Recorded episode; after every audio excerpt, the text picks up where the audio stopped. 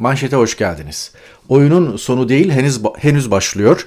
Bu geçtiğimiz hafta Foreign Affairs'teki e, yazının başlığına atıfla e, yazılmış bir KJ. E, bunu konuşacağız. Soner Çağaptay'ın Foreign Affairs'teki Erdoğan son seçenek olarak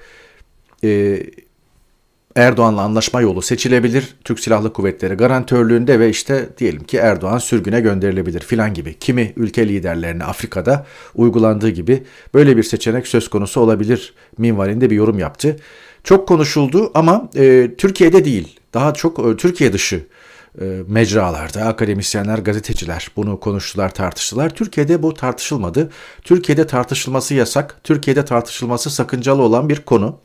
Bir de AKP çevreleri, saray çevreleri bunu tartışmadı, tartıştırmadı. E, tartışmadığı gibi, üzerine atlamadığı gibi, bir cevap vermediği gibi tartıştırmadı da. Muhtemelen e, Cumhurbaşkanlığı İletişim Propaganda Bakanı e, Fahrettin Altun belli yerlere bu konuya hiç girmiyoruz arkadaşlar falan diye mesaj atmış, talimat geçmiş olabilir. Buna bakacağız. Bunun dışında gündemde tuhaf şeyler var. Yani mesela Büyük Birlik Partisi'nin iktidar ortağı Genel Başkanı Destici demiş ki işte efendim ben e, kurban alıp kestiriyorum. Böyle daha ekonomik oluyor. Eti kasaptan almıyorum. Bu konuşuluyor. Ya da işte Erzurum Belediye Başkanı demiş ki e, bu ekonomi modelinin yani kur korumalı e, mevduat modelinin mucidi benim. Bunu bakana ben söylemiştim zaten mesajlaşmalarımız duruyor. İşte yastık altındaki altın da aynı şekilde ekonomiye kazandırılsın. Herkes yastık altındaki altınını getirsin bir sertifika karşılığında bankalarda kasalara bıraksın ve devlet de bunları teminat göstererek işte ekonomiyi düzeltsin. Neyse borç bulsun, para bulsun neyse. Böyle tuhaf tuhaf önerilerin havada uçuştuğu günlerden geçiyoruz. Ya da yine bir yazı vesilesiyle konuşuluyor.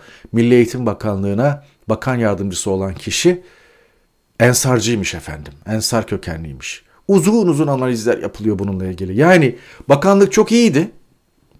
Harika işler yapıyordu. Ee, hiçbir sıkıntı yoktu. Ama arkadaş siz nasıl şimdi bu kadar iyi giden bir tekere ensarcı birini bakan yardımcısı yaparak çomak sokarsınız? Yani şeyi görünce, yorumları görünce, bu haberlerin e, işte paylaşılma biçimine falan bakınca Böyle gerçekten şey yapıyorum. Neymiş efendim? Ee, Erdoğan'ın eski danışmanı hatırlayın Soma'da maden faciası olduğu günlerde bir madenciyi tekmeleyerek gündeme gelmişti ve o fotoğraf e, hafızalara kazan, kazınmıştı. Yusuf Yerkel'den bahsediyorum. Gencecik bir danışmandı o zaman. Öfkesine hakim olamamış, arabadan atladığı gibi Muhtemelen konvoyu veya kendilerini veya Erdoğan'ı protesto eden e, göstericiye öyle bir tepki göstermişti. Ama her açıdan çekilen fotoğraf o kadar net ve o kadar çok şey anlatıyordu ki devletin madenciye tekmesi olarak algılandı ve o arkadaş orada kendi 15 dakikasını yaşadı ve hayatı boyunca bununla anılacak.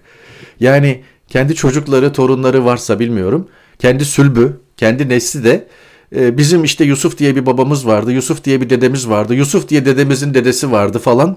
İşte böyle de bir halt etti falan diye hatırlayacaklar. Dinliyorsa bunu böyle bilsin. Şimdi işte efendim yurt dışında bir yere, Avrupa'da bir yere işte efendim ateşe olarak atanmış da şu kadar euro maaş alacakmış da böyle bir şey nasıl olabilirmiş? Ya sanki bütün atamalar muhteşem, yurt dışı temsilcilikler şu bu falan harika çalışıyor. Herkes tam böyle e, layıkıyla işini yapıyor ve zaten liyakati olmayan oraya atanmıyor falan. Ama arkadaş Yusuf Yerkel'i oraya atayarak nasıl suyu bulandırırsınız siz? Bunu tartışıyorlar. Anlamakta güçlük çekiyorum. Yani ben de bu kadar misallendirdim. Birkaç dakikanızı yedim ama yani e, tuhaflıkları anlatmaya çalışıyorum. Tuhaflıkları. İşte bu yayınımız çok seyredildi.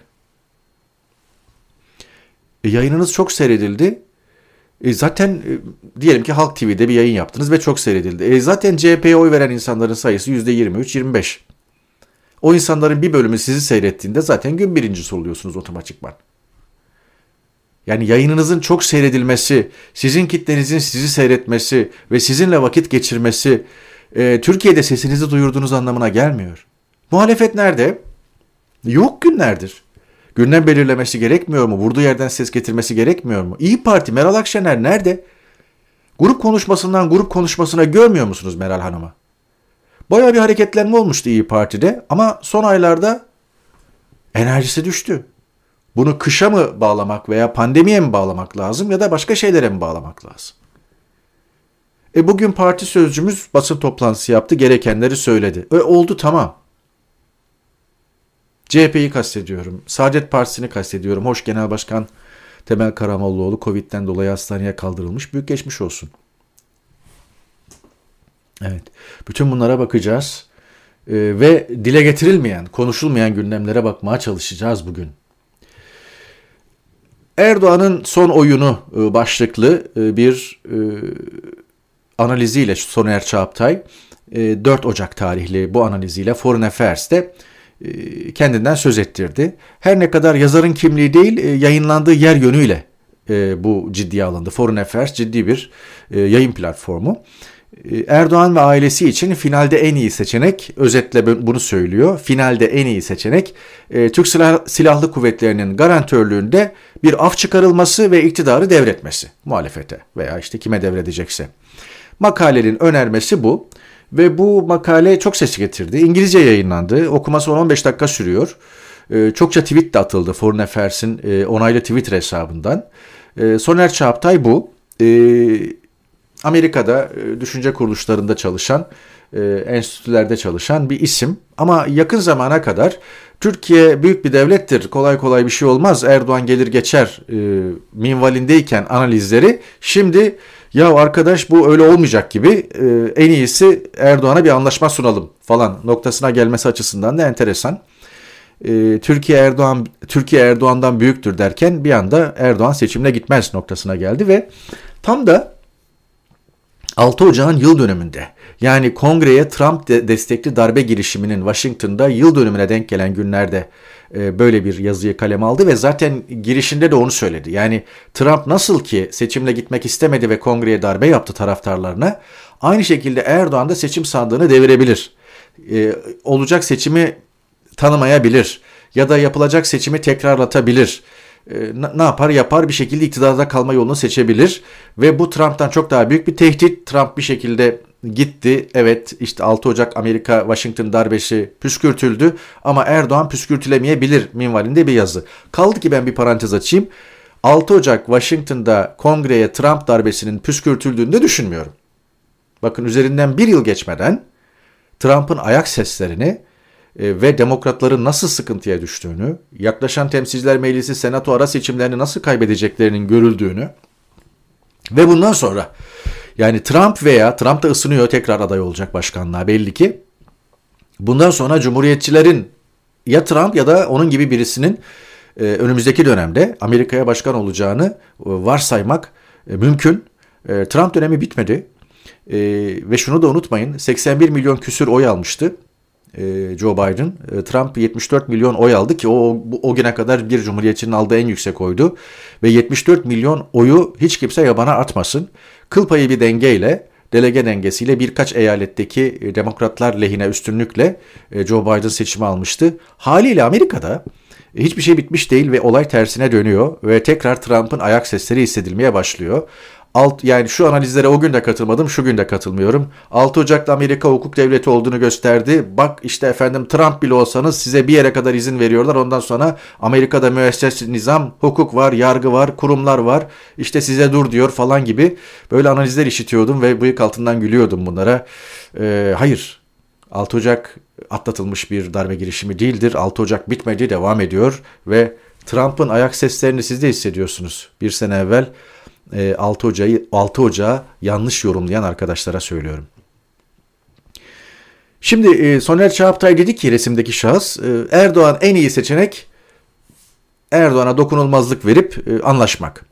Peki iki şey konuşuldu. Bu seçenek AKP veya saray projesi olabilir mi? AKP böyle bir seçeneği tartıştırarak işte efendim çıkmayı ya da artık çok yoruldu. Bir şekilde de artık yolun sonuna geldiğini gördü. Böyle bir onurlu çıkış tırnak içinde yapabilir mi filan. Ben buna ihtimal vermiyorum. Daha çok e, Erdoğan'ı e, o koltuktan e, olmaya veya o koltuğu terk etmeye ikna amaçlı bir çıkış olduğunu düşünüyorum bunun. Saray daha evvel söyledim bir kere daha değerli toplu söyleyeyim. Tüm seçenekleri tüketmeden asla çekilmez. Ve bugüne kadar yaptığı ne varsa hepsini daha da sahaya yayarak yapacak. Susturma, sindirme, e, kaos çıkartma, ne bileyim tutuklama, operasyon çekme, medyayı susturma, muhalefeti susturma, parti kapatma e, ve aklınıza gelebilecek her türlü engelleme, iç ve dış karışıklık çıkartma, savaş çıkartma bir takım ülkelerle, içeride bir takım karışıklıkları provoke etme vesaire bir sürü böyle planları var. Alfabenin bütün harfleri adedince planları olduğunu e, öngörebilirsiniz sarayın. E, Kazakistan örneği veriliyor. E, Kazakistan'a birazdan bakacağım ama e, devletler bu tür hareketleri ustaca yönlendirirler ve e, orada bir takım kendi görevlileri devreye girerek e, sonraki aşamada e, devletlerin yapmak istediği şeyler hayata geçirilebilir. Erdoğan'ın heybesinde bu anlamda saklı bir şey yok. Her türlü hareketi bir şekilde kendi lehine evirebilir. Erdoğan derken sadece şahıs olarak Erdoğan'ı kastetmiyorum. Erdoğan ve çevresindeki klikten e, bahsediyorum.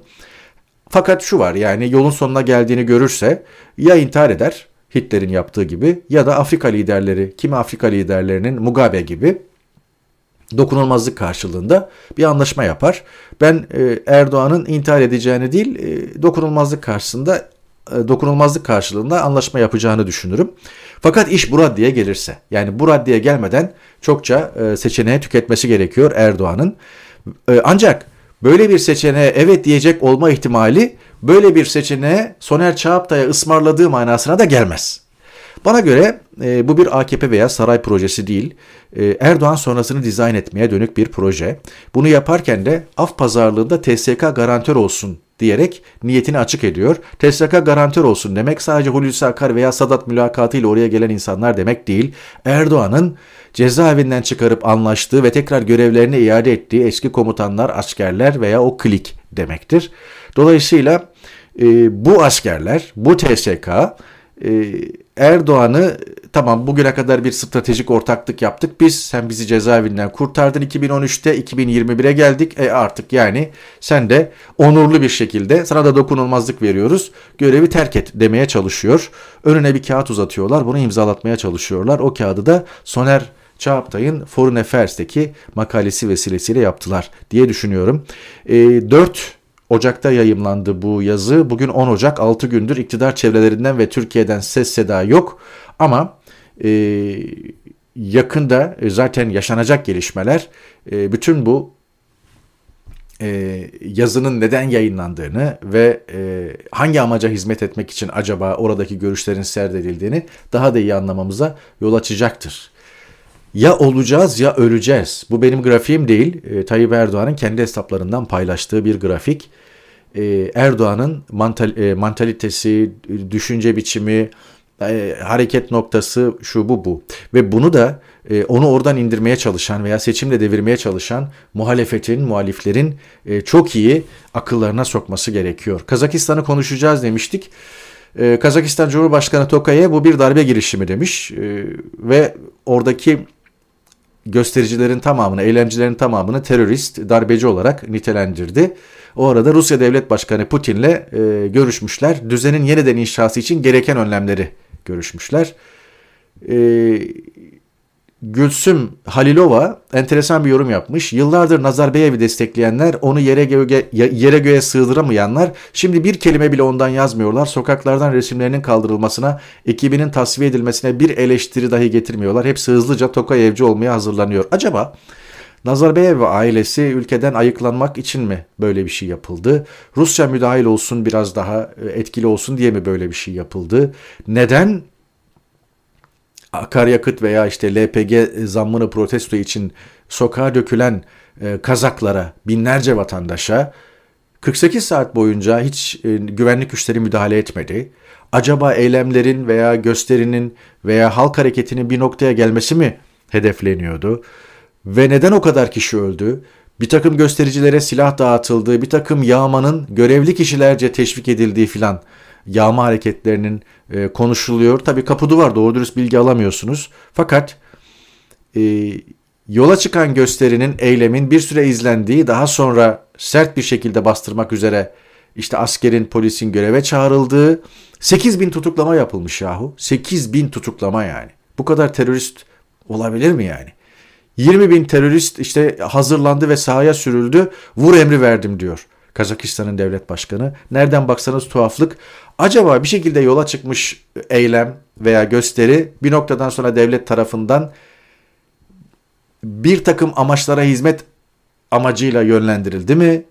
Sırf bunun için Rusya çağrılmış olabilir mi? Sırf e, Nazarbayev'in ülkeden gönderilmesi işte o kadar zenginliğin başında oturuyor çocuklarıyla beraber. Murat bu mudur? Görürüz anlarız. Dönelim yurda ekonomiyi kim daha yönetir diye sormuş Metropol, Metropol Aralık 2021 araştırmasında. Daha dumanı üstünde bir araştırma bu. İktidar diyenler 35.4, muhalefet diyenler 36.7. Yani e, iktidara ne kadar güveniyorsa aradaki bir puanlık fark önemli değil. İktidara ne kadar güveniyorsa ekonomi yönetimi konusunda seçmen muhalefete de o kadar güveniyor gibi bir durum var yani. Yani seçmenin üçte biri iktidar daha iyi yönetir diyor. Üçte biri de muhalefet daha iyi yönetir diyor. O arada da atı alan Üsküdar'ı geçiyor. Bunu tabii Türkiye ile alakalı değil ama işte Warren Buffett diye e, dünya çapında bütün ekonomistlerin çok yakından bildiği bir zengin var. Ve bu vatandaş Apple geçtiğimiz hafta mevzu etmiştim. Apple'ın değeri 3 trilyon doları geçti. 3 trilyon doları geçen bir şirket. İngiltere ve Fransa ekonomisinden daha büyük yani düşünün.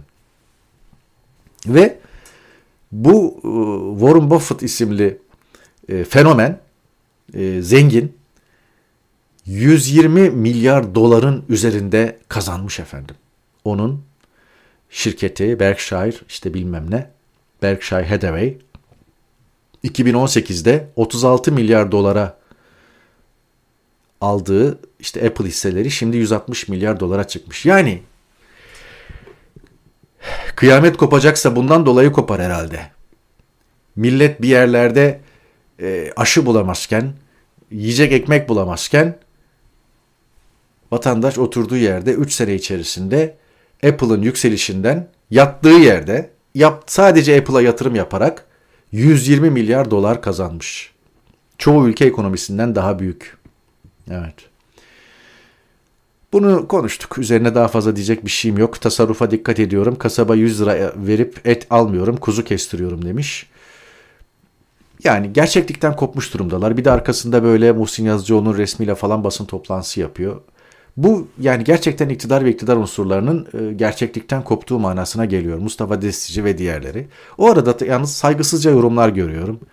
İşte Mustafa Destici'nin görüntüsü, kilosu, gıdısı, şusu busu böyle mevzu edilerek kişileri görüntüler üzerinden eleştirmeyin. Bir bu. ikincisi bir insanın kilolu olması veya aşırı kilolu olması sadece yeme içmeyle alakalı da olmayabilir. Bir rahatsızlığı da olabilir. Dolayısıyla çok ucuz, çok böyle mahalle ağzı bir yaklaşım. Dolayısıyla onu da e, kınadığımı belirteyim. Fakat söylediği zaten tek başına e, bir facia. Yani ben kasaba 100 lira verip et almıyorum, bir kuzu alıyorum, kestirip parçalayıp yiyorum falan. Yani bu zaten halk gerçeklerin, halkın ger- gerçekliğinden ne kadar uzak olduğunu gösteriyor. Yeterli. Bir de oturup e, kilosuyla, görüntüsüyle dalga geçmenin manası yok. Faruk Gergerlioğlu işte tekmeci müşavir Yusuf Yerkel'in Frankfurt ticaret attaşesi olarak tayin edildiğini böyle ilan etmişti. Soruyor tabii Ömer Faruk Bey dış ticaret uzmanı olmayan bu kişi hangi nedenle bu, bu makama atandı diye.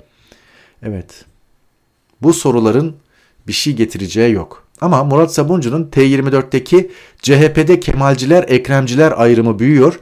Partiyi de seçimi de zora sokabilir yazısını okuyun. Sadece şunu söyleyeceğim. Kemal Kılıçdaroğlu'nun adaylığı düşündüğü, Cumhurbaşkanlığı adaylığını düşündüğü ve buna gerçekten niyeti olduğu, Ekrem İmamoğlu veya Mansur Yavaş'ı yıpratmamak için kendini öne attığı, yarın öbür gün vazgeçeceği, parti genel başkanlığında kalacağı falan gibi bir takım tezler vardı. Böyle bir teze ben de dikkat çekmiştim. Ama gelen kulisler, e, epey kulak verdim Ankara kulislerine, CHP kaynaklarına. Kemal Kılıçdaroğlu'nun gerçekten Cumhurbaşkanlığı adaylığını düşündüğü ve istediği yönünde. Çok enteresan. Ee, ve CHP'de de böyle bir yarılma olmuş. Murat Sabuncu da bunu yazıyor. Bakarsınız. Cumhuriyet Halk Partisi'nin bir grup başkan vekili sorunu var demiştim. İşte Engin Özkoç, Engin Altay, Özgür Özel vesaire. Ee, ben bu insanlara takık falan değilim. Fakat bu insanlar konuşmaktan, sormaktan ve iktidarın tezleriyle yürümekten başka bir şey yapmıyorlar. Yani muhalefet şu anda konuşma sanatı değil. Muhalefet iktidarın tezleri üzerinden iktidarı kendi tezleriyle vurmak falan değil. İşte Erdoğan sen FETÖ'cüsün Allah'sın demiş. Videosunu da koymuş. Yemeden içmeden Twitter'da paylaşmış. Bilmem ne kadar RT alıp bilmem ne kadar paylaşım olduğunu falan dünden beri buna bakıyordur yani. Bu mu? Yani. Yani CHP de CHP demişken Kılıçdaroğlu'nun adaylığıyla başladık.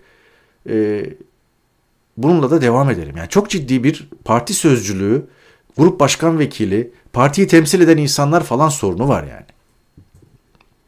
Bakın Özer Sencar diyor ki daha önce de ifade edildiği gibi yapılacak seçimin en önemli e, belirleyicilerinden biri kararsızlar kitlesi içindeki 12 puanlık Cumhur İttifakı kökenliler. Çok doğru söylüyor. Ve bu konunun hala anlaşılmadığı kanısındayım diyor. Yani Halk TV yayınınız şu kadar seyredildi. O akşam en çok bizi seyrettiler. CNN Türk'ü değil bizi seyrettiler. İşte ben bugün CHP adına çıktım bir basın toplantısı yaptım. Güzel de konuştum. Hadi bakalım arayalım basın ofislerini. Ertesi günde bakalım Sözcü nasıl görmüş, Cumhuriyet nasıl görmüş bir bakalım. Bir günde çıkmış mı benim haber? Bu değil ki yahu. Kendi mahallen seni zaten izliyor, görüyor, takip ediyor. Mühim olan Özer Sencar'ın, Metropol Araştırma'nın genel müdürü. Özer Sencar'ın dikkat çektiği kararsızlar içindeki 12 puanlık Cumhur İttifakı kökenliler seçimi belirleyecek. Onu kazanmak için ne yaptın? Cuma'ya gittim. İyi. Sonra bu da bir başkası. Türkiye'de bir tek sığınmacı kalmayacak. Bununla propaganda yapıyorlar insan, insanlar sene 2022. Ve bundan dolayı insanlar oy verecek biliyor musunuz? Bu faşiste. Türkiye'de bir tek sığınmacı kalmayacak dediği için. Bu arkadaşın dünyadan ve gelişmelerden elbette haberi var. Ama şeye oynuyor, mahalleye oynuyor. Gerçek gündem. Cezaevinde hafızasını yitiren eski milletvekili Aysel Tuğluk serbest bırakılmıyor. Sosyal medya aya ayağa kalktı. Bir sürü ses verildi, edildi. Bir türlü istenen rapor çıkmıyor. Aynı şey Yusuf Bekmez için de geçerli. Alzheimer hastası 85 yaşında. Onun için de çıkmıyor. Saadet Partisi geçmiş olsun. Temel Karamollaoğlu Ankara Şehir Hastanesi'nde Covid'den dolayı tedavi görüyor. Büyük geçmiş olsun.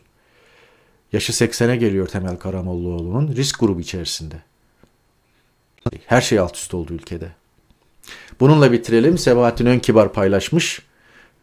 Dünün TGRT çalışanı muhafazakar gazetecisi bugün önde gelen ulusalcı oldu. O ayrı bir konu. Ee, ben de dönüşüme büyük hayret ettim. Ayrı bir konu. Ee, şahsen tanıştığımız bildiğim biridir Ankara yıllarımda.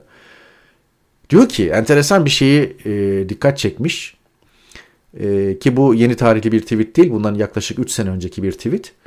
Düşünün diyor binlerce türbanlı Fethullahçı kadın hapis.